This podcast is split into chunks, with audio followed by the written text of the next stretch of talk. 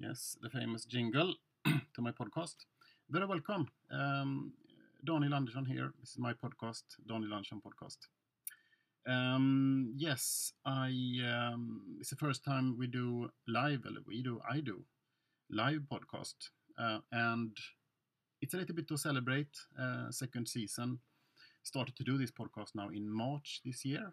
Um, first of March, now it's 6th of June, so been doing one episode per week. 36 uh, episodes. Mm. Um, yeah, it doesn't really add up, um, but more or less one per week. I have uh, invested a little bit in my podcast as well um, by learning a lot, so investing in, in knowledge uh, about how to do podcast and also in uh, equipment. So um, microphone here with um, yeah. Uh, this yeah I think it's called rabbit foot. This uh, thing of fur. It's not real um, fur. I think it's some synthetic material but serve. And then also I have um, as a studio then soundproofed the room uh, which you should. And I um, yeah one one common thing you can do at home is to use egg um, cartons um, packages to to save uh, soundproof the room. Um, done that as well. Now in Japan we don't have those um, egg cartons of papers, but have this instead. Um, but I think it it works in the same way because it's the uh, same shape, and it's like that sound absorbing absorbing uh, effect is still the same because it's. I'm not not sure exactly how it works, but it must be that the that the uh, yeah the sound is absorbed and um, um, dead cat. Oh, dead cat. Thank, thank you, Tobias. Dead, this is a dead cat, not rabbit foot. Um, okay, so sound absorb. Sound comes in here in some way and it absorbs. I also have a windshield, which you should have. It's around here. I haven't um, really. Yes, but very welcome to this podcast. Uh, it's a five minute episode as always, and uh, I um, asked for some topics, what I should talk about. Let's see if I what I got. I have my mailbox here. Load up here. Okay, here we got a mail. Hmm? Um, hey, hello, Daniel. Thank you so much for your podcast. Big fan thank you so much. It's always interesting. Uh, thank you. Thank you. Um, I think your view on topics is very interesting. I think I learn things every week and make me reflect on, on things and make me a better person as well. Okay, that's very kind. But I try to do my best, and um, uh, if anyone can get, to, you know, I know that many people like it and so on, and uh, and so on. But um, yeah, it's happy. Okay, so let's see what topic it was then. Swedish cuisine. Mm, thank you. It's a very good topic. I take that. First of all, cuisine. I think it's interesting that you add that word before um, before um, word when you talk about food. Cuisine, Swedish cuisine. Cuisine, then it's uh, French for. I think it's food means uh, food in in French. Um, I think food is a little bit food business industry is a little bit uh, special. You need to talk in a certain way and certain clothes, and you need to talk a certain language and so on. So uh, when you talk about food, it's not food; it's cuisine, and then something else. Mm. Food, Swedish uh, cuisine. Yeah, I can talk about that.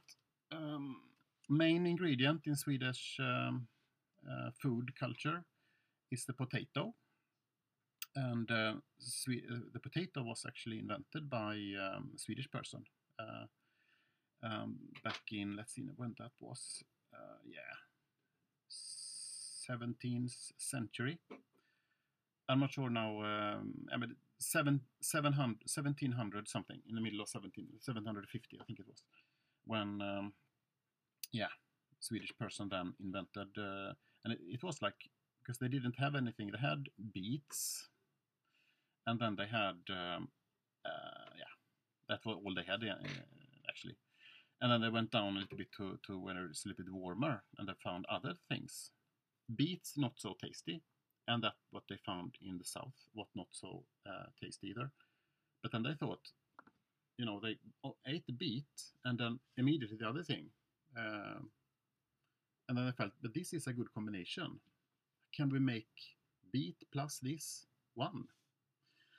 And then they start, started to, it was the same period when they started to crossbreeding plants and so on. Uh, Linné, uh, if you know him, they started to experiment with crossbreeding. So tulips and uh, and so on was also that's a Dutch uh, invention. But um, so I, I, then they uh, came up with the potato, and um, and that is then since many many years ago uh, the most popular thing in Swedish cuisine, and uh, Swedish people eat a lot of potatoes. It's the most potato eating country in the world actually, and one of the biggest uh, export exports in, in Sweden as well. Uh, wood and potatoes uh, has always been the reason for why, um, yeah, it's a lot of money in Sweden. I mean, uh, Norway has oil and um, Sweden has potatoes. Yeah, let's see if it was some some other topic here. No, well, it was, but mm, little bit. I don't want to bring those up here. I can take them uh, another time to, to explain. Um, but with that, I would like to, um, yeah, it's a quick episode, but I, I, I work a lot with these quick uh, learnings, bite-sized bite, bite-sized learnings, as I call it. Um, you get us a little bit of a, because we don't have so much time these days, you have a little bit of time while you doing something else in between. Okay, let's see what happened on internet pick up the phone, and then you have opportunity for to learn something in, in my podcast. And as I people saw, people said here. So uh, with that, I would like to thank you so much and have a continued um, good day. Uh, next week, we're going to talk about something else, uh, hair, doing your own haircut.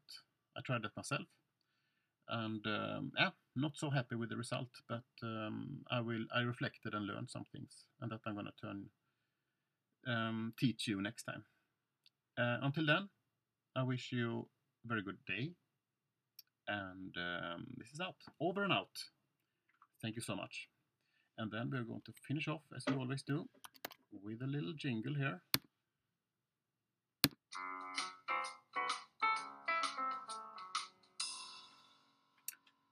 Goodbye, and thank you.